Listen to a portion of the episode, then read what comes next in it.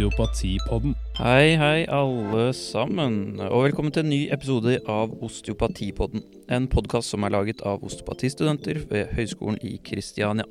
I dagens episode så skal dere da høre stemmen min, og da Jonas Gundersen. Jonas Gundersen. Vi er begge to fjerdeårs osteopatistudenter eh, ved da Høgskolen i Kristiania, og i dag skal vi snakke litt om hodepiner. Og det er jo noe de fleste burde kjenne seg igjen i. For alle har kjent på hodepine i ny og ne, og da tenkte vi at det var et fint tema å ta opp. Så um, vi kommer jo da hjem fra en stressende jobb hver dag, setter seg ned i sofaen, våkner opp dagen etter en kveld med litt, litt mye alkohol dagen før, da, og en, en sterk hodepine har, har, egentlig de fleste kjent på ved mange anledninger, tenker jeg. Så derfor så tror jeg dette her er greit å få ja, kartlagt og vist ut til folket og snakka litt om. Eh, og det kan jo oppstå av veldig mange grunner, og det finnes mange typer hodepiner. Og spørsmålet er da hvilke typer hodepiner er vanligst? Hva kan skille de ulike typer hodepinene? Er hodepine farlig? Dette er noen av de spørsmålene vi da skal besvare i løpet av denne episoden. Så jeg tror vi bare skal sette i gang etter hvert, jeg. Osteopatipodden.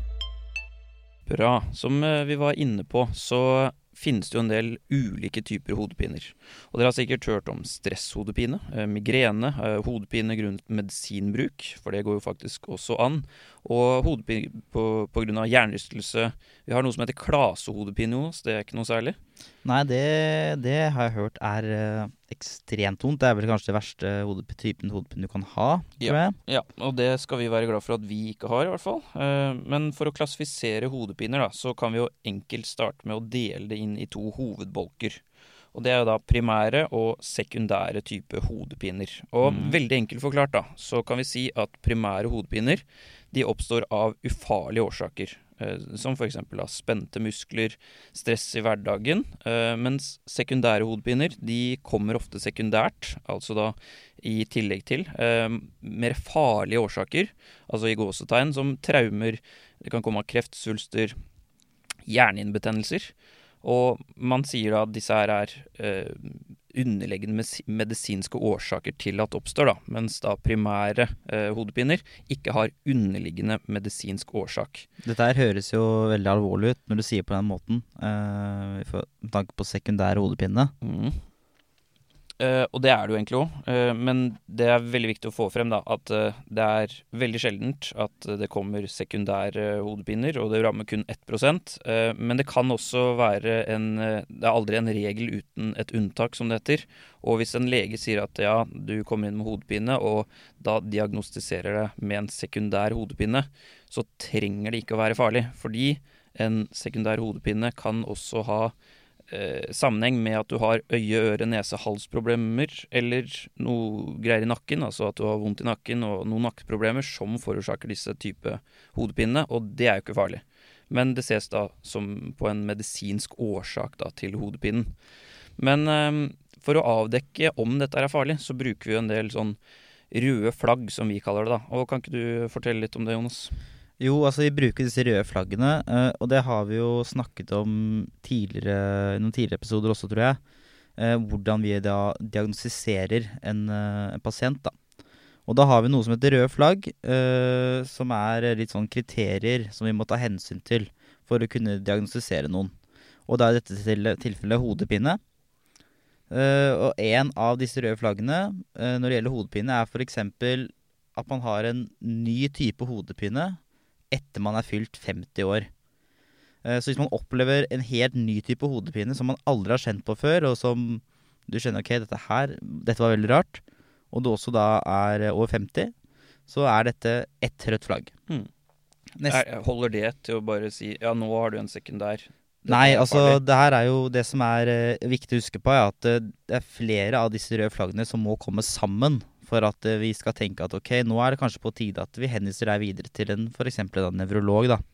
Så hvis det er ett rødt flagg som uh, er positivt, mens uh, ikke noe annet uh, stemmer, så må man ikke ta helt av for det. Det, det er normalt å Normalt å f.eks. da kanskje kjenne på en ny type hodepine hvis det bare er det. Mm. ja. Men neste røde flagg er f.eks. hvis du har en progressiv forverring da, av hodepinen. Eh, som da er at du gradvis uh, kjenner på sterkere smerter uh, utover f.eks. i løpet av noen uker. da. Mm. Og dette aleine er heller ikke noe rødt flagg alene, men sammen med da denne hode, nye hodepinen, og sammen med kanskje at det er en veldig brå og plutselig start, og kanskje endret kognitiv funksjon, som vil si at du opplever mer hukommelsestap, eller opplever hukommelsestap, Mm. blir litt mer surrete, kanskje, og hvis du da endrer personlighet, personlighet i tillegg.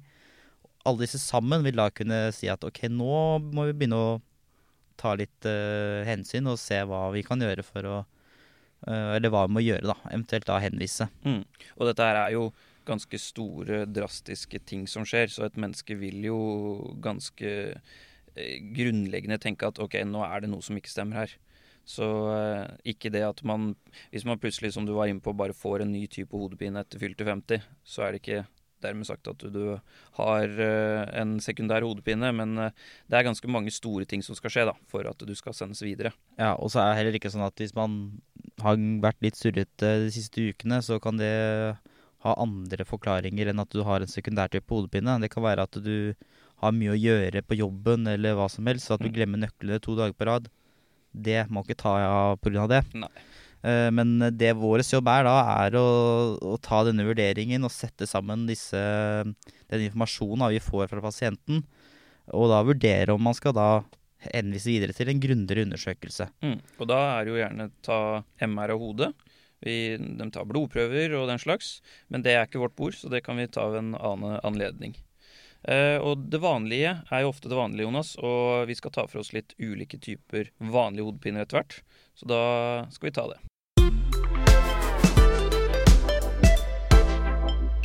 Yes, og da skal vi starte på den første type hodepinen som vi skal snakke om i dag, og det er da spenningshodepine, eller også kalt tensjonshodepine. Og denne type hodepinen, det er det vanligste å ha. Det er eh, typisk eh, hvis du har mye å gjøre, eller, eh, eller at du har vært ute og drukket noen øl på lørdagen og kjenner en hodepine på søndagen, så er det mest sannsynlig spenningshodepine du kjenner på.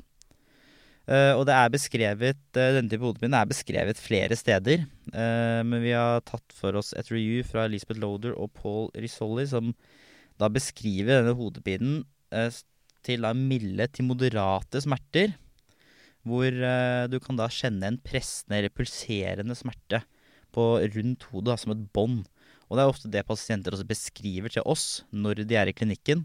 At de kjenner dette båndet, pulserende båndet, som går da eh, ja, panna og så rundt. Mm. Og i motsetning til da f.eks. migrene, så trigges denne hodepinen ikke av fysisk aktivitet. Og du er veldig sjelden, eller du, som regel så kjenner du heller ikke på kvalme, svimmelhet eller synsforstyrrelser, da. Og det gjør du jo ved noen andre hodepiner vi skal ta seinere nå. Ja, det gjør man jo da med migrene, som vi skal snakke om etterpå. Mm. Um, og det er jo da ulike kriterier, andre kriterier også, uh, som uh, man kan, gjerne skal mm, huke av, da. For å kunne si at ok, du har denne type hodepine. Mm. Og det den- gjelder for alle de ulike hodepinnene. Ja. Og dette her kan vi jo eh, legge en link ved på Facebook-siden vår, f.eks., så man kan gå nærmere inn og se på disse kriteriene. Mm. Men så er det også det hva er det som forårsaker denne type hodepinen. Eh, Hva er, hva er den underliggende årsaken? Og den er, den er uklar. Det er vanskelig å si hva som eh, er grunnen til at man får tensjonshodepine. Men i et review fra Ashina skriver de at den best forklarte årsaken til episoder med spenningshodepine er at nakke- og hodemuskulatur blir eh, veldig sensitive for å sende ut smertesignaler til hjernen. Altså at ehm, Det skal veldig lite til, det da. skal veldig lite til for at musklene sier fra til hjernen at ok, nå, nå har jeg vondt. Mm. Og det er hjernen som, eh, måte, som styrer, eller som sender ut da smertesignalene igjen, sånn at som gir deg følelsen av at du har vondt. Ja. Noe som da gjør at vi opplever hodepine. Og vi kan se at de som sliter med hodepine, tensjonshodepine, og gjerne og kanskje over lengre tid også, de har ofte øm muskulatur i hodemuskulatur og nakkemuskulatur. Mm. Men så skriver da i denne artikkelen at det er ikke nødvendigvis eh, den ømme muskulaturen som er årsaken til hodepinen, men at det heller er andre veien. At når du har hodepine, så er det denne hodepinen som gjør at eh, nakkemuskulaturen blir mer ømt. Fordi at man kanskje knyter seg litt.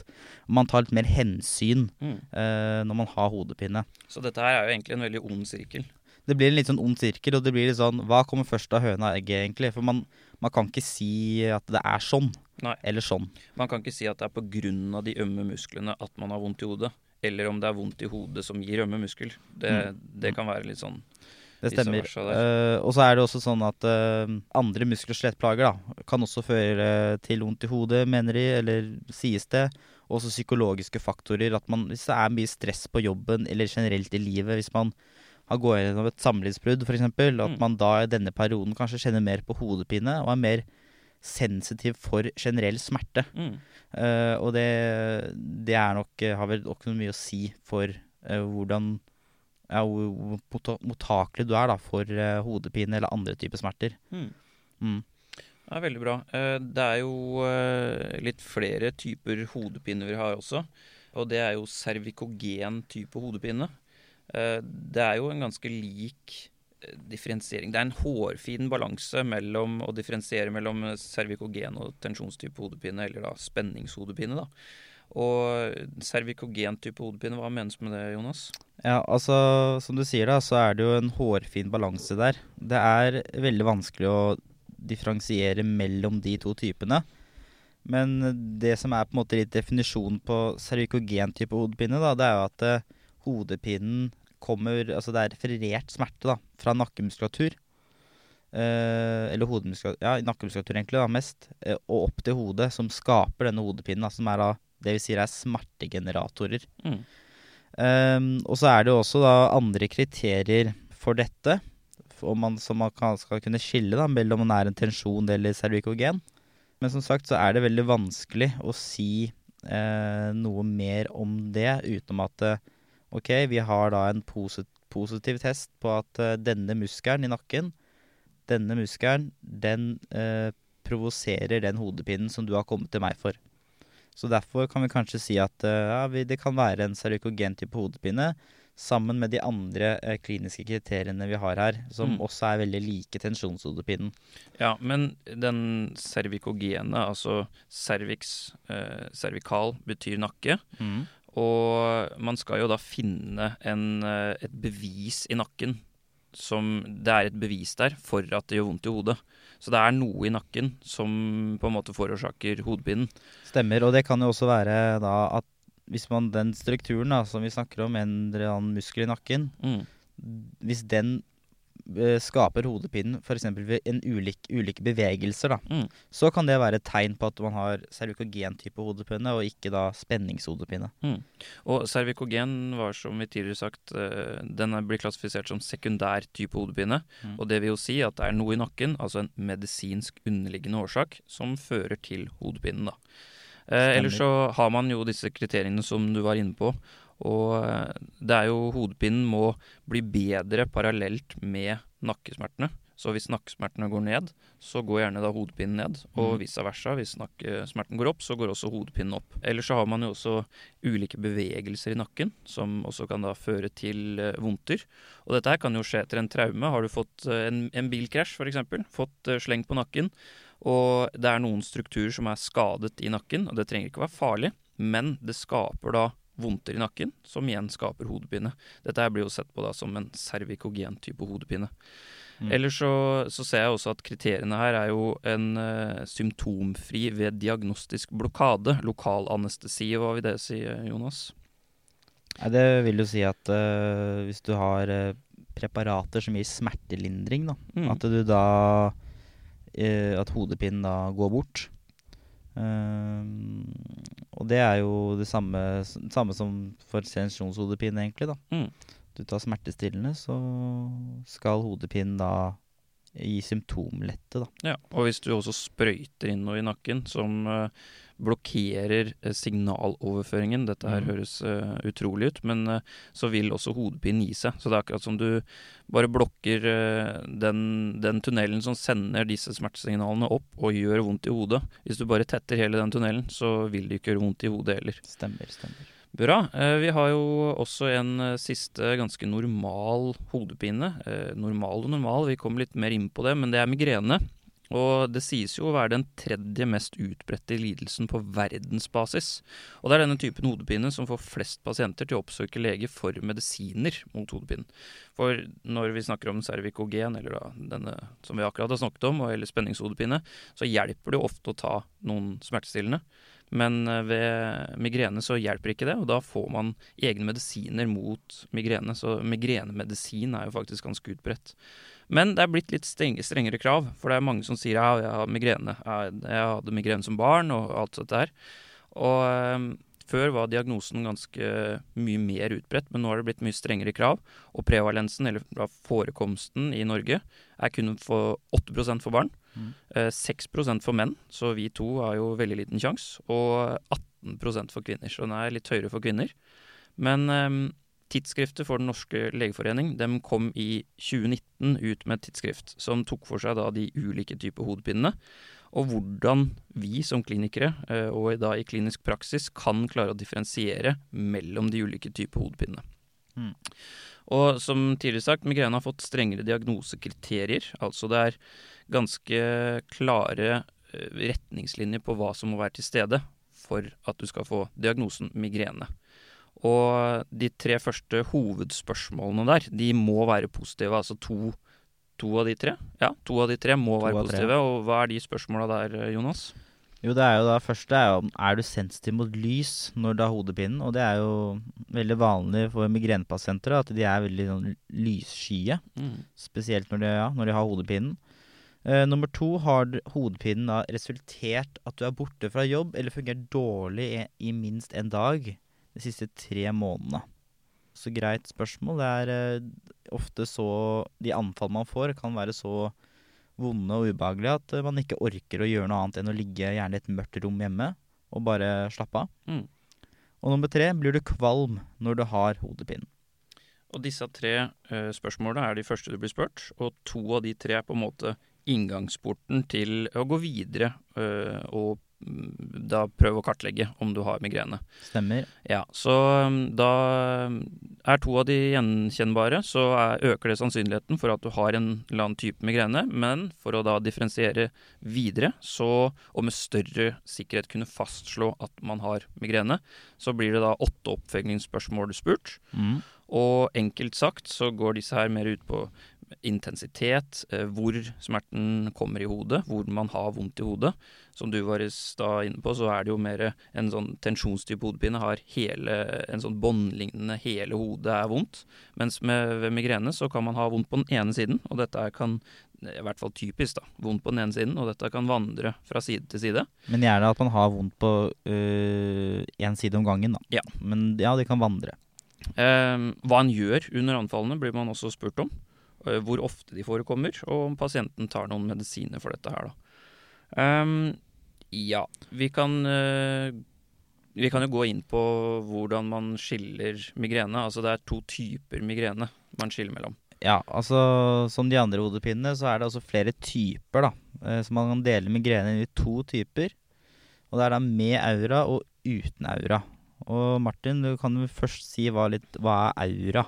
Ja, aura er eh, noe som gjerne oppstår før man får selve hodepinen. Uh, og dette her Nå skal ikke jeg si dette her på egen erfaring, men av det jeg har lest, da, så er det en ganske sånn blinkende synsforstyrrelse. Altså du kan se blinkende lys. Du kan få mer sånn tunnelsynaktig. Eller en typisk svart flekk. En typisk svart flekk kan forekomme. og de fleste som har migrene med aura, dem veit at de kommer til å få vondt i huet, fordi auraen da gir et eh, lite hint om at nå kommer du til å få vondt i hodet. Mm. Og Det var det egentlig jeg hadde tenkt å si uh, rett før du sa det nå. At uh, ofte disse pasientene, de vet De, de, de får en slags warning da, på mm. når denne dette migreneanfallet kommer. gjerne ved aura, men jeg tror også de kan få det ved andre ting. Mm. ja. Bra. Men vi kan jo starte med migrene uten aura, da. Mm. For det er det mest vanlige.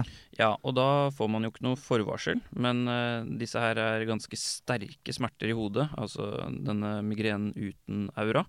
Og varer ofte da fra tre-fire timer til tre døgn. Altså den kan sitte, sitte i veldig lenge. Og som vi sa i stad, så sitter den ofte på én side, men kan vandre fra side til side. Og ja, altså det er, det er såpass mye mer kraftig smerte enn en spenningshodepine. Eh, som du sa i stad, så var en spenningshodepine eller cervikogen mer mild, moderat intensitet, men dette her er bankende smerte. Og man klarer ofte ikke være på jobb eller skole. Vil gjerne ligge i et mørkt rom og bare tenke på seg sjøl, egentlig. Mm. Mm. Ja, og så er det den, eh, de pasientene da, som har beskrevet at de har aura. Da. Um, så da, som, da, som vi sagt, det kommer med et forvarsel eh, i form av da, blinkende lys, sikksakk-mønster eller bortfall av deler av synsfeltet, som vi sa, med den svarte flekken. Og den, denne aurafasen, hvor lenge varer den? Rundt fem minutter til 60 minutter. Ja, så da. det forvarselet da kan komme da 50-60 minutter før migreneanfallet faktisk kommer, og du får vondt i hodet. Mm. Andre da symptomer eller faresignaler før migrene kan da være at du kjenner en viss nummenhet eller prikking i armen eller i benet, i ansiktet. Noen kan til og med oppleve talevansker og litt sånn nedsatt koordinasjon. Mm. Og vi var jo litt inne på det i stad, at uh, dette her kan jo være litt skummelt. Så første gang man har det, så kan det jo virkelig være skummelt å tenke at man har en sekundær uh, type hodepine, at dette er noe alvorlig. Men uh, det her er ikke farlig. Det er ikke, det er ikke sånn noe man dør av. Men det er jo noe å dra til lege for, tenker jeg da. Mm. Absolutt. Eller så kan man jo differensiere om man har episodisk eller kronisk. Og dette her gjelder for flere typer hodepiner, egentlig de fleste typer hodepinene. Mm. Om man har da eh, episodisk eller kronisk hodepine, eller da migrene eller spenningshodepine. Og dette her varierer i da antall dager, hvor mange dager man har det i løpet av en måned. Og hvis man har det 15 dager eller mer per måned, så blir det sett på som en kronisk hodepine. Mm.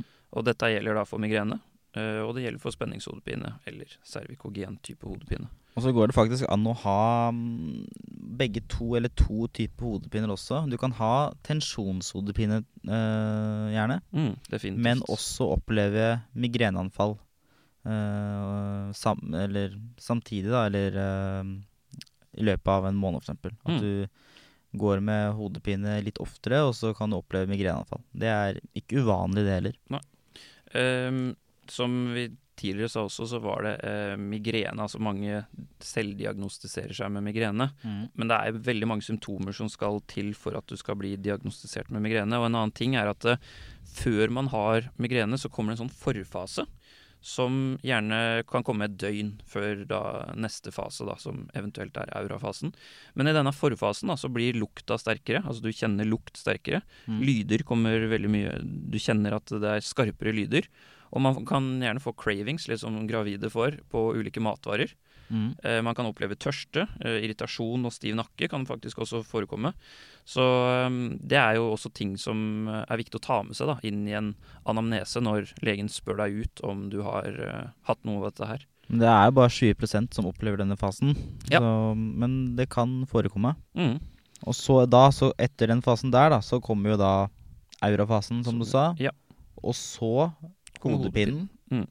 Og så har vi en siste fase, som på fagspråket heter remisjonsfasen. Mm. Eller postdromalfasen. Stemmer. Ja. Som da, den varer da noen timer til et døgn etter at da hodepinen er over. Mm. Og her kan mange føle seg litt slått ut, trøtt- trøtte, slitne. Kanskje litt verk i muskler, gjerne da i nakkemuskler, da. Mm. Og ja, kanskje være litt sånn nedstemte. øh, mens andre har så sier at de kan være litt oppspilte. Mm. Faktisk. Eh, så det varierer litt der, da. Mm. Men, eh, så det er noen faser man skal gjennom eh, ved en migrene. Ja.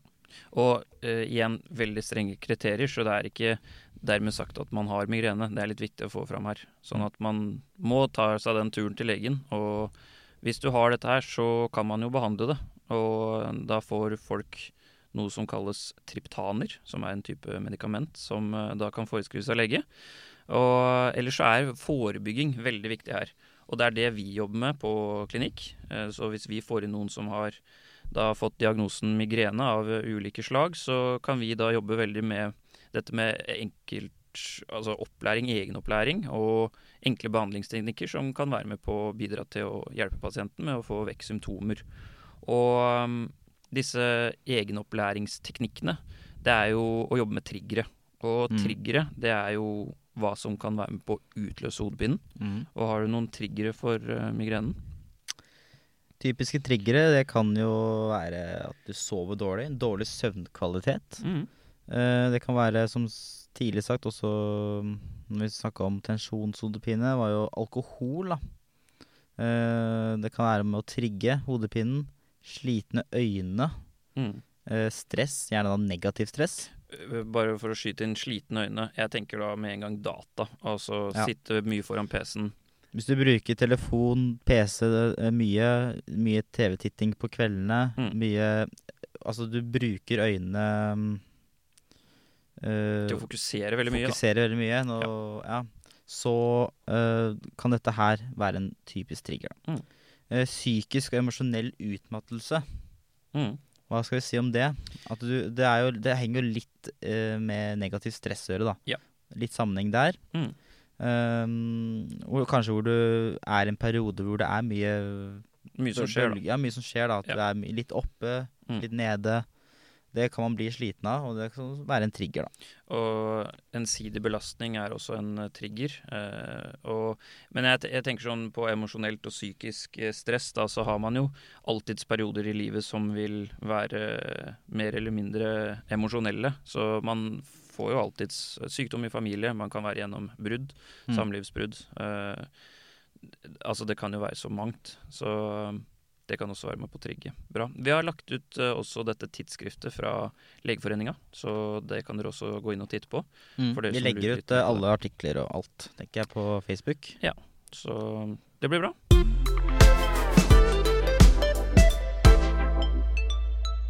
Bra. Nå som eh, sommeren er på hell, Jonas, eh, og høsten setter inn for fullt, så vil kanskje ikke denne typen hodepine forekomme like ofte. For vi har lyst til å ta opp én siste hodepine. Eh, vi går ikke så mye inn på de sekundære, ganske alvorlige hodepinene, for der sender jo vi videre. Men vi har jo en hodepine som er litt artig. Artig. Den er jo i hvert fall ikke farlig, da. Ikke farlig i det hele tatt. Nei. Men den er Jeg vil si den er ganske vond, da. Ja, det, er det er noe av det verste som kan skje på sommeren, Ja. når du skal uh, hvert fall som barn. nyte en god is. Så, ja, spise litt fort. Kanskje en slush. Drikke litt for fort. Mm. Blir veldig kaldt. Hva skjer da? Brain freeze. Brain freeze. Og det, vi, vi lurte veldig på hvordan dette her skjedde. Uh, og nå skal vi prøve å enkelt forklare hva som skjer under denne brain freeze-hodepinen. Og det som skjer, er at eh, når du tilfører da iskald drikke, eller da slush, da, i munnen og svelget, så har vi noen blodårer bakerst i halsen som vil oppfatte dette her som en drastisk endring i temperatur, og da trekker de seg sammen. Og Derfor så blir det en bitte liten endring i blodstrøm opp til hjernen. Mm. Ja, og viktig å legge på der at det, det er endring. Hjernen liker ikke endring. Veldig lite glad i seg, endring. ja. Ja. Så det, det blir da bitte liten endring som hjernen ikke liker. Og derfor så oppfatter hjernen dette her gjennom mange mekanismer. Dette her oppfatter den som en form for negativ endring, og vi opplever da smerte. Eh, og hva kan hjelpe da eh, på igjen? Jo, fordi at da når blodårene bakerst i selget da, utvider seg igjen, så blir jo alt som normalt, og smerten forsvinner. Eh, men noe man kan gjøre, eh, noe jeg har prøvd nå etter, etter vi Ja. Vi har gjort dette her som et forsøk. Ja, vi har prøvd litt. Mm. Og det som har funka for meg, da, og de har jo sagt det vi har lest også, at hvis man tar noe og presser opp mot ganen, Mm. så om det er tunga, eller om man tar tommelen, Mm. rett og slett, og bare inn i munnen og presser opp, Mm. så avtar hodepinen eh, litt kjappere. Mm. Eh, så det er en liten eh, Fun fact. fun fact. Ja. En fact. I hvert fall en fact, kanskje ikke fun fun. Det, det må dere velge sjøl. Ja. Bra. Eh, vi går mot slutten, og sånn avslutningsvis så skal vi bare si at vi har en episode kommende om ikke så fryktelig lenge, som skal dreie seg litt mer om arbeid, osteopati, stress, litt sånne ting. Osteopati og arbeidslivet, kan det stemme? Ja. Og to flinke gutter som skal uh, lose dere gjennom. Uh, det vil si ikke oss, men Christian og Henning. Og det også er jo litt greit å få opp. Er det noen som lurer på noe? Er det noen spørsmål, innspill, noe dere lyttere vil eh, lære mer om, så har vi en Facebook-side som heter Osteopatipodden. Mm, uh, som dere kan gå inn på og ta kontakt på. Og vi setter veldig pris på alt av innspill, sånn at vi kan uh, ja, Det blir bedre, ut og også lage episoder om det folk eh, kanskje har lyst til å høre om også. Mm. Um, hvis det er noe folk sitter og tenker på, oh, hvordan, hvordan er det det fungerer, eller jeg skulle gjerne lært litt mer om det. Mm. Mm. Bra. Da skal vi eh, løpe til Sognsvann, Jonas. Det skal vi. Det er neste steg for dagen. Så da sier vi tusen hjertelig takk for oss, og så På gjensyn. på gjensyn. Ha det bra.